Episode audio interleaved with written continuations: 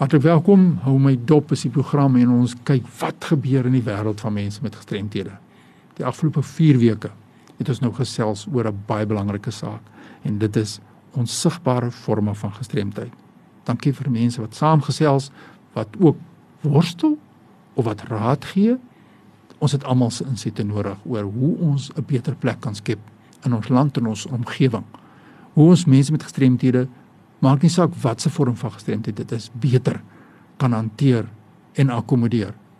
Verlede week het ons so geraak aan die kwessie van wat is redelike akkommodasie soos die beleid dit sê. Ons het gesels oor die modifikasies en die verstellings wat aangebring kan word. Kom ons kyk vandag verder na assistive devices en tegnologie. Hulpmiddels wat beskikbaar is. Toerusting, ondersteunende toerusting en dan ook tegnologie. Nou eerste instansie moet ons diskrimineer tussen die twee. Wat is 'n device? Wat is toerusting? En wat is tegnologie? Want mense vra hulle of hulle weet nie wat om te vra as dit kom by hierdie tipe sake om dan aan te pas nie. Maar ek het ook 'n vraag hier wat meer terugverwys na voor ek vergeet oor adjustments, die verstellings. Iemand sê, maar by hulle werk maak die werkgewer verstellings in die werkure om my te kan hanteer met as iemand met 'n neurologiese gestremdheid. Dis pragtig. Ja, dit is wat ons verlede week gesê het. Ons moet daai verstellings kan maak. Maar kom ons kom terug na vandag. Ons praat van toerusting en tegnologie. Mense het baie verskillende toerusting nodig. As ek my as 'n voorbeeld kan gebruik, ek lip lees, maar ek het ook 'n klankversterker nodig wat ek saam gebruik met my kokleaire implantings. As ek in 'n gebou kom dan help dit my dis 'n assisted device wat ek gebruik saam met my kokleaire implantings. Soos daar mense met ander vorm van gestremdheid, mense wat blind is wat vir hulle devices het. Iemand gebruik 'n bitkiri. Wat is dit anderster as 'n device? Dis iets wat jy gebruik bykomend om jou te help om te kan funksioneer onafhanklik te kan funksioneer. So daar's baie verskillende devices of toerusting wat 'n mens kan gebruik, maar dan kom dit by die tegnologie saak. Tegnologie is nie 'n device nie. Dis nie 'n toerusting in die sin van per definisie nie. Tegnologie gaan oor sagte ware. Dit gaan oor rekenaars onder andere. Nou kom ek gee vir julle 'n praktiese voorbeeld waar ek tegnologie baie goed gebruik. Daar word van my verwag om deel te neem aan virtuele platforms, om seminare by te woon en om te kan deelneem. Maar ek kan nie die klankgehalte is te swak. Ek kan nie deelneem deur net bloot te luister wat op die lyn aangaan nie. Dis onmoontlik vir my as iemand wat doof is.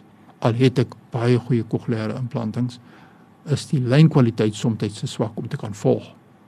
Nou watse tegnologie kan ek gebruik? Ek gebruik tegnologie wat ons noem captions. As jy op sekere platforms gaan, dan is daar fasiliteite, hulle noem dit CC closed captions. Jy sit hom aan en jy beskiklik verskyn die teks terwyl mense praat aan die onderkant van die skerm. Nou dis tegnologie. Dis nie 'n device nie. Dis tegnologie. So sagte ware is belangrik. Nou die mense wat blind is, het sekere tegnologie wat getikte inligting en spraak omsit. Maar mens moet weet wat jy wil vra. As jy vra vir redelike akkommodasie, moet jy eers instansie jou gestremdheid ken. Of jy met iemand kry wat 'n kundige is, is op daardie tipe vorm van gestremdheid wat jy het. En veral wanneer dit nou minder sigbare vorme van gestremdheid is, wat jy dan sê hierdie persoon gebruik hierdie device of hierdie tegnologie of hierdie persoon het hierdie aanpassings of verstellings nodig. Maar wat baie belangrik is, toe ek verlede week die definisie gelees het, het ek gesê dit is not imposing a situation. En dit is baie belangrik en ons as gestremdes moet ook verstaan en werkgewers moet dit verstaan en almal moet dit verstaan. Ons families moet dit verstaan. Dat not imposing beteken ek dwing dit nie af nie. Redelike akkommodasie van alle gestremdhede is onderhandeling. Dis 'n onderhandelingsproses wat 'n redelike mens vra en wat 'n redelike toesighouer in die werkplek behoort toe goed te keer en te sê ja, ek sal dit voorsien. Alles gaan op redelikheid. So ek kan nie sommer net maak nie saak met watter vorm van gestremdheid ek gediagnoseer is of watter gestremdheid ek het nie. Ek kan nie sommer net eise stel wat onbillik is, onredelik is en nie geregverdigbaar is nie. Die Engels gebruik in die wetgewing praat hulle van unjustifiable. En dit is dis nie geregverdig nie. So ek kan nie sommer net links en regs eise stel sonder om ook die werkgewer as dit in 'n werkplek is waar ek dit vra se belange in gedagte te hou nie. Natuurlik as redelike akkommodasie geweier word sommer net omdat dit geweier word, het jy en ek as persone met gestremdhede die reg om ons te beroep op wetgewing. Nou ter afsluiting van vandag se gesprek en hierdie reeks wat ons gesels het oor minder sigbare vorme van gestremdheid, die wetgewing is die naam is PEPUDA. Nou die Engels is Promotion of Equality and the Prevention of Unfair Discrimination Act. Dis waar die akroniem PEPUDA vandaan kom. Ek herhaal hom: Promotion of Equality and Prevention of Unfair Discrimination Act van 2000. Hy sê beide daar kan op geen gronde mag daar gediskrimineer word op grond van 'n persoon se gestremdheid nie.